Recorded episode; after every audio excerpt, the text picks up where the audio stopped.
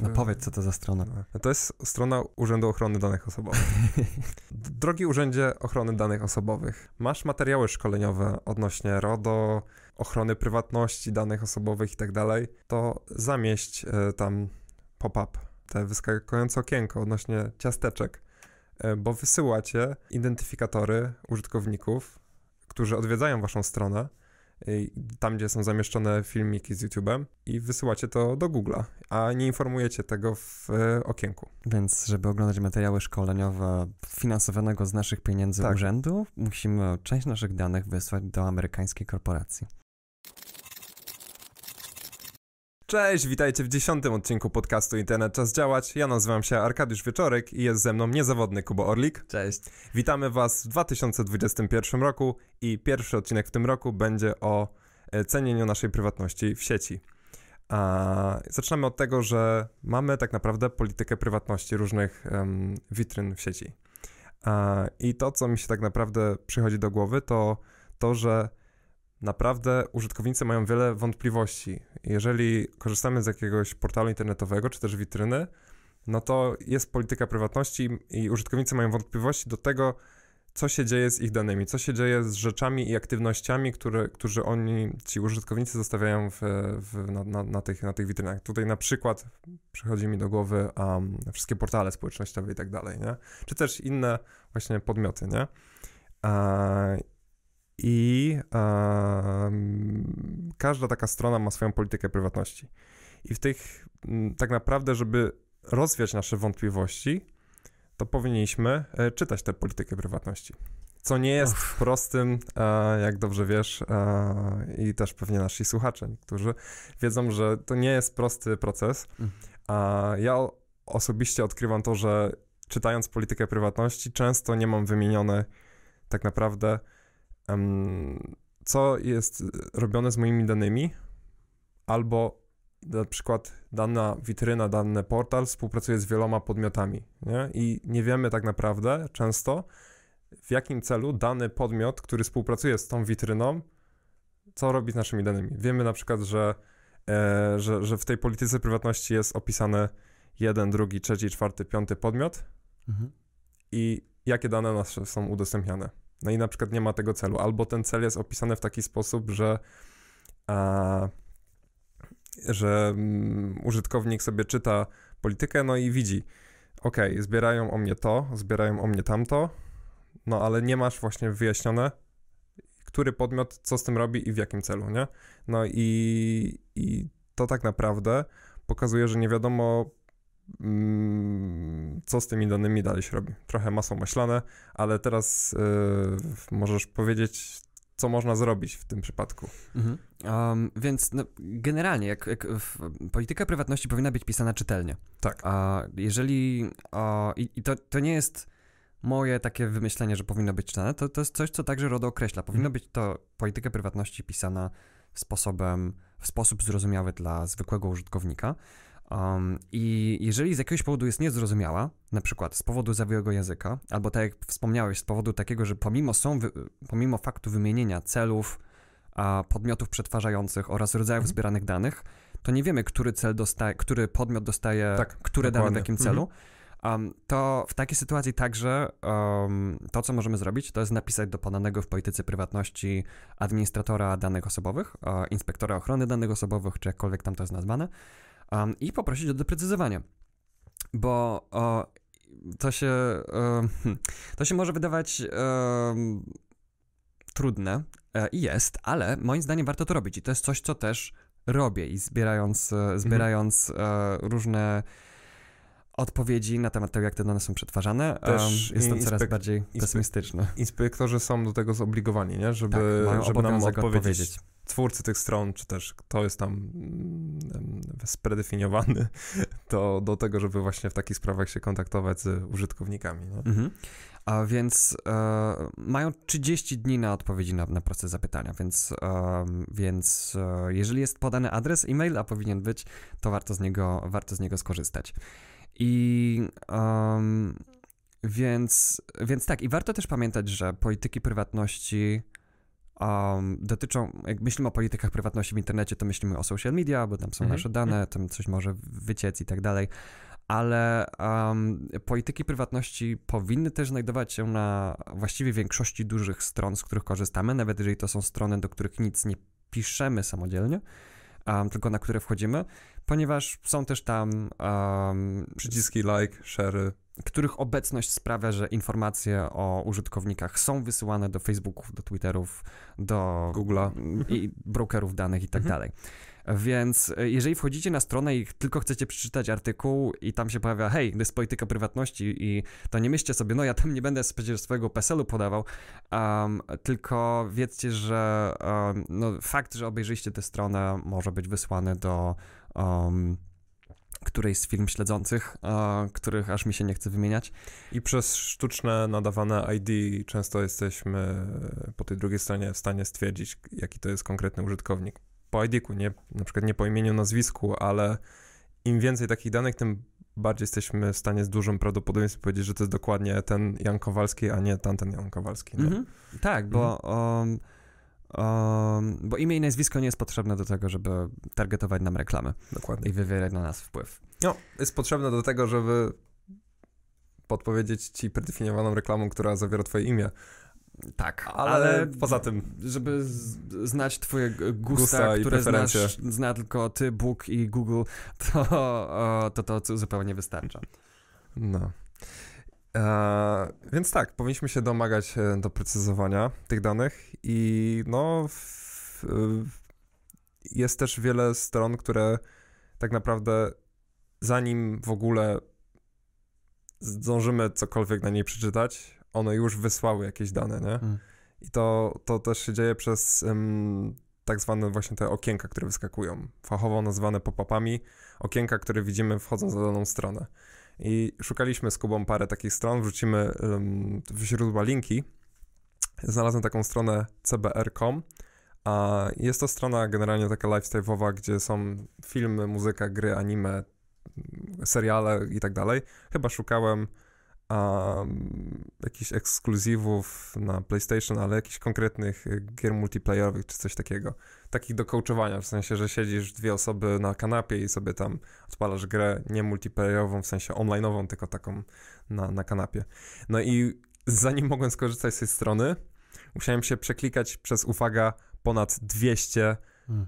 checkboxów odnośnie zgód tej polityki prywatności i na przekazywanie moich danych, informacji o mnie podmiotom trzecim, bo to każda zgoda dotyczyła e, innego podmiotu i tych podmiotów było ponad 200. Co mnie bardzo uderzyło to, że e, w tych okienkach tak naprawdę mm, nie dość, że te dane są wysyłane od razu, bo tak się często dzieje, to też e, samo okienko jest tak skonstruowane, że no, no, musisz to przeklikać i serio 200 checkboxów trzeba przeklikać, żeby móc zapisać te nasze preferencje odnośnie właśnie tej polityki prywatności, jak chcemy z tej strony korzystać, nie? Nie ma, nie ma tam jasnego przycisku, który pozwala nam na e, odznaczenie wszystkiego od razu, nie? Mhm. Zastanawiam się nad niefachowym słowem na, na, na checkbox. A, okej. em, no to to taki kwadracik z ptaszkiem w środku, nie? To zaznaczona kratka. E, Jak to się mówi?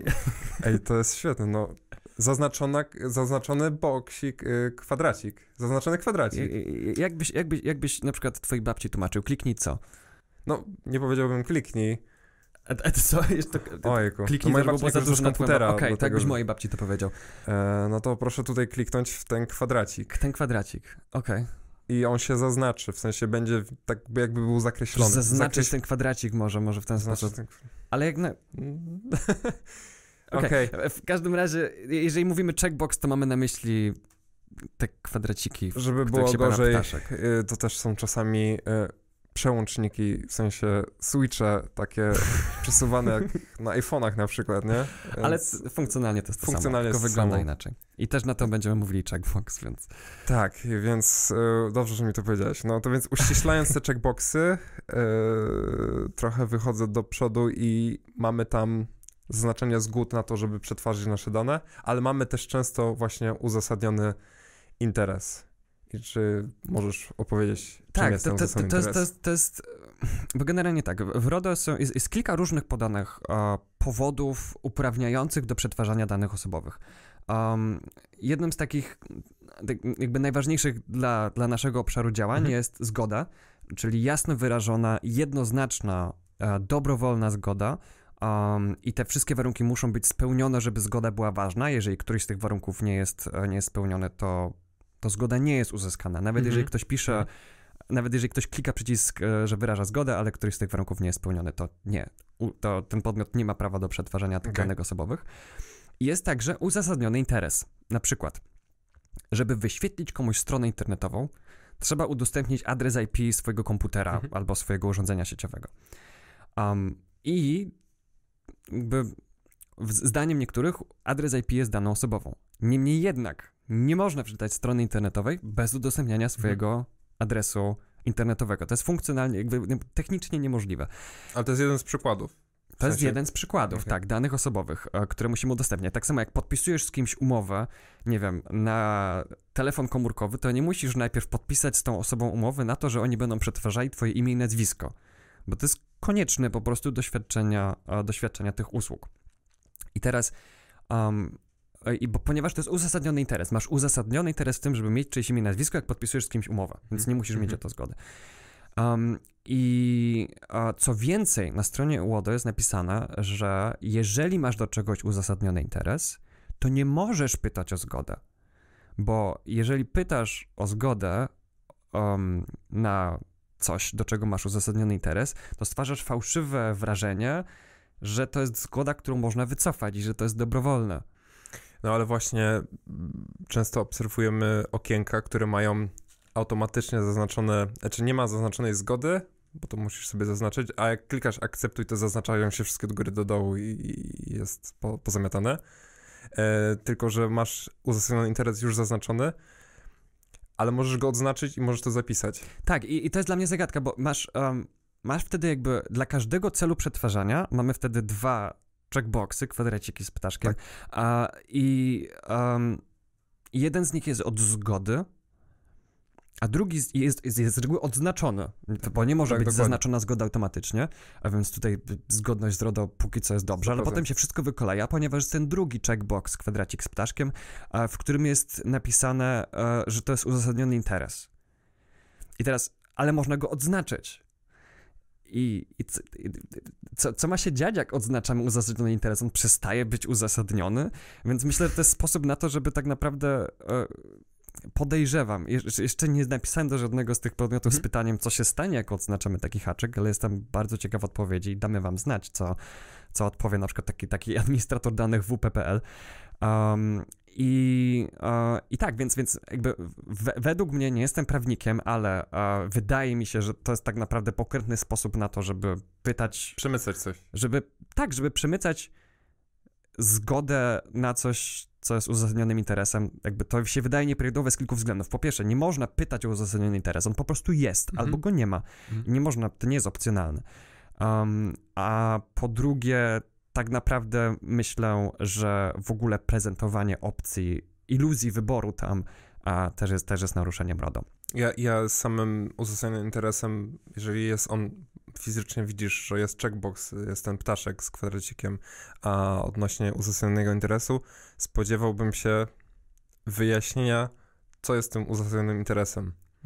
Bo jako użytkownik y, danej witryny, no uzasadniony interes, to mogę sobie jako ten administrator strony wszystko tam wrzucić, nie? I wszystko może być dla mnie uzasadnionym interesem. Nie, znaczy, hmm, wszystko możesz sobie napisać w pop-upach RODO. Widzieliśmy już takie bzdury w tych, Aha. w tych wyskakujących okienkach. e, Cenimy twoją prywatność, że tam ewidentnie można napisać sobie wszystko. A tylko e, nie wiem, jakie są formalne kryteria, co może być uzasadnionym interesem, Mhm. czy nie. Poza tym takim ogólnym, ogólną intuicją, że to jest coś, co jest po prostu konieczne do świadczenia określonej usługi. Mhm. I widziałem różne rzeczy podpięte pod ten uzasadniony interes, jak na przykład e, profilowanie użytkowników w celu serwowania reklam. W moim odczuciu jest to co najmniej kwestionowalne. Ponownie, nie Mhm. jestem prawnikiem, ale um, jakby no, nie sądzę, że strona, której zadaniem jest wyświetlić mi artykuł, ma uzasadniony interes w tym, żeby śledzić moją historię przeglądania. To mi się Mhm. wydaje naciągane co Mhm.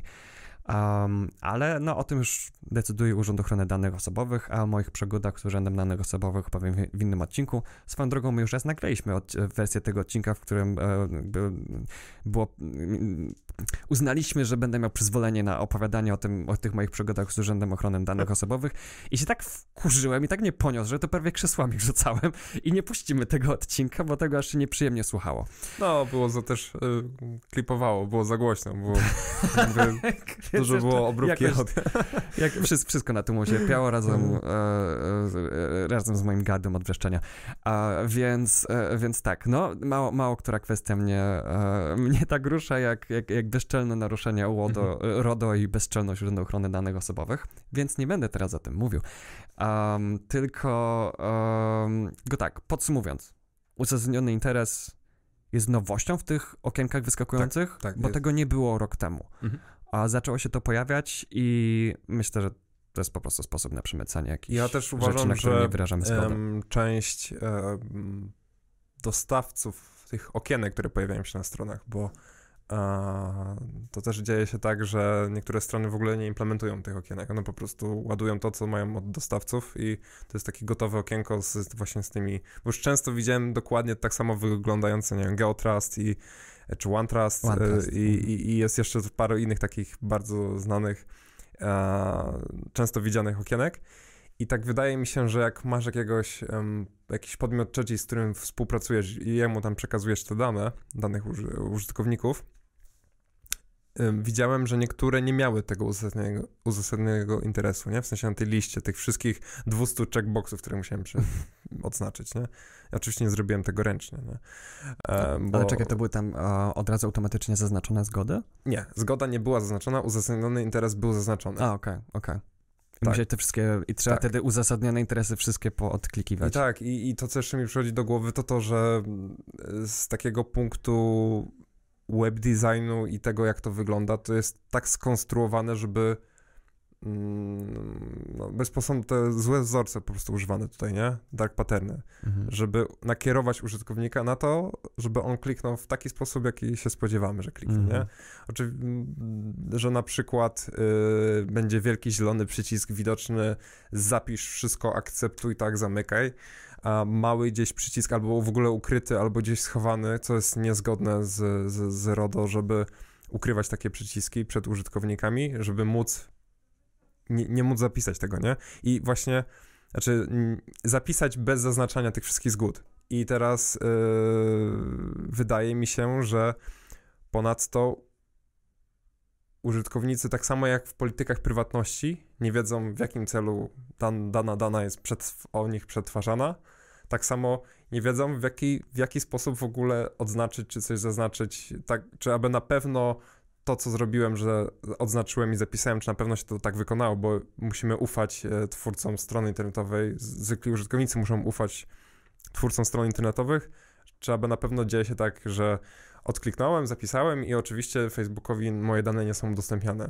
Mhm. Co pokazuje praktyka, że jest inaczej, bo zdarzyłeś się z przykładem, w którym e, dane były już wysyłane, zanim w ogóle cokolwiek kliknąłeś w okienku. Tak, niestety w większości stron, które badamy, jest tak, tak że pokazuje się to okienko, które uprzykrza życie użytkownikom, e, ale okazuje się, że to okienko jest tam po nic właściwie, ponieważ zanim ono się zdąży wczytać, to te dane już są wysłane. Um, więc. To jest Smut, smu, smutna prawda. To jest trochę. takie stwarzanie pozorów. Tak. Przecież, przecież, mamy, przecież mamy wyskakujące okienko, że cenimy użytkownika prywatność.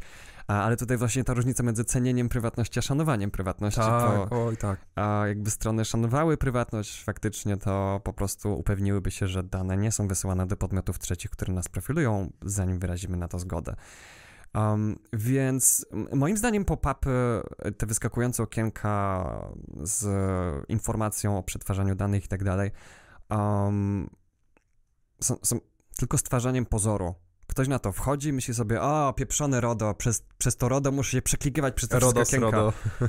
Ale tak. na naszej stronie nie ma, nie ma. żadnych pop-upów, a nasza strona jest zgodna z RODO. Po prostu nie przetwarzamy żadnych danych osobowych, które nie są konieczne do tego, żeby wyświetlić dokładnie, artykuł. Dokładnie tak samo jest z cookiesami.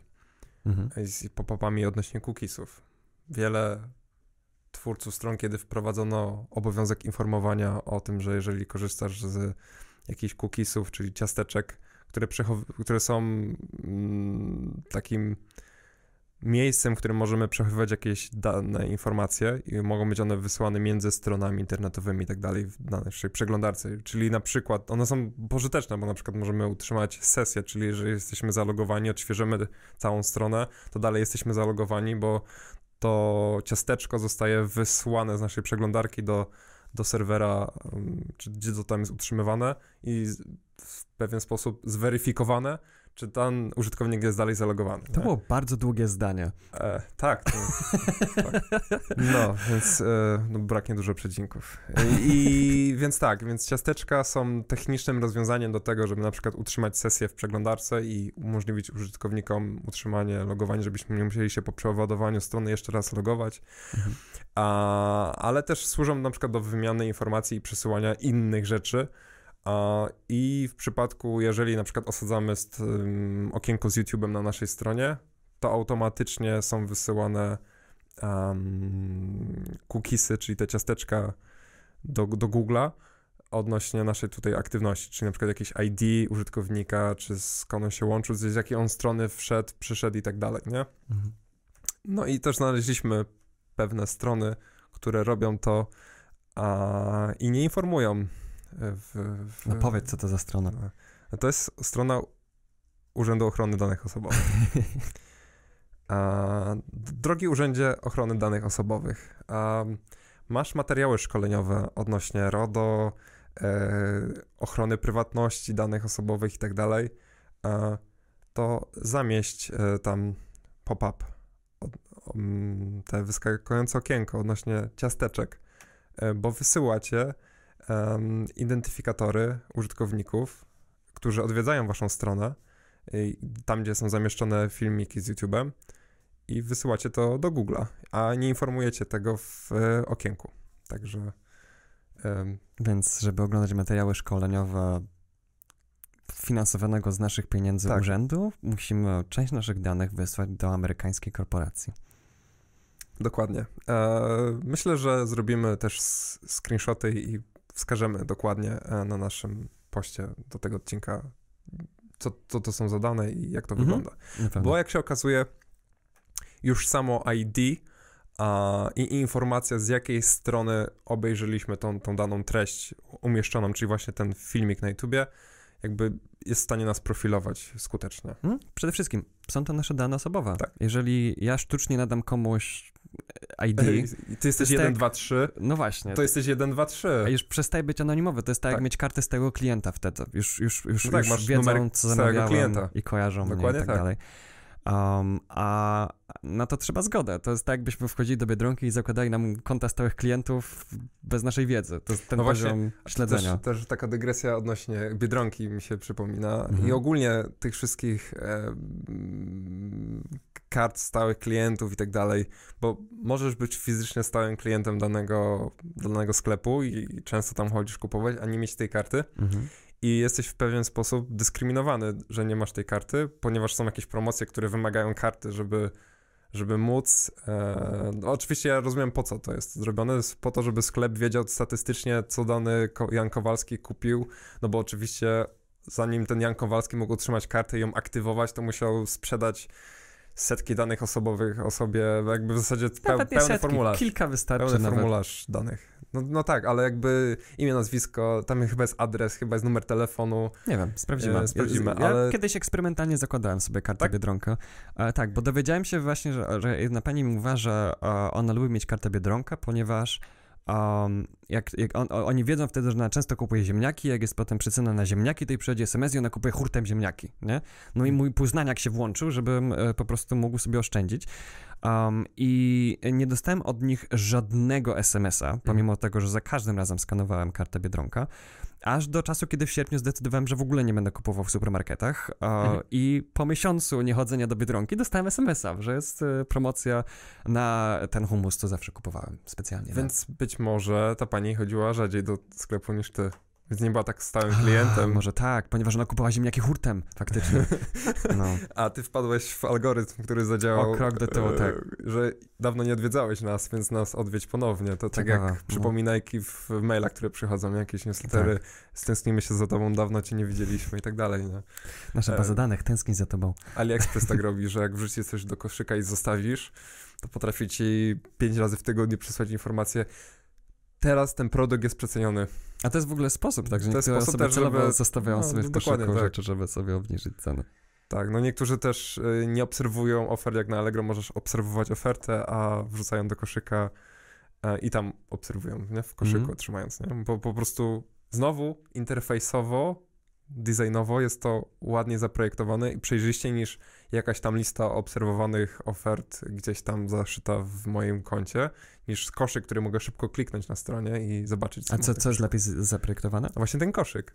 No bo to, że wrzucisz coś do koszyka, to możesz y, ła- łatwiej to szybciej zobaczyć na A, do telefonie te- do listy obserwowanych. listy obserwowanych i znaleźć tą listę obserwowanych w tej, w tej aplikacji na telefonie. A, przyznaj się, wrzucasz do koszyka, żeby otrzymać zniżki. Nie. Team. AliExpress. no, więc y, tam chyba tą dygresją wydaje mi się, że odnośnie RODO i ogólnie polityki prywatności Jakie możemy wnioski wyciągnąć? Wnioski są takie, czytajcie politykę prywatności, e, prywatności.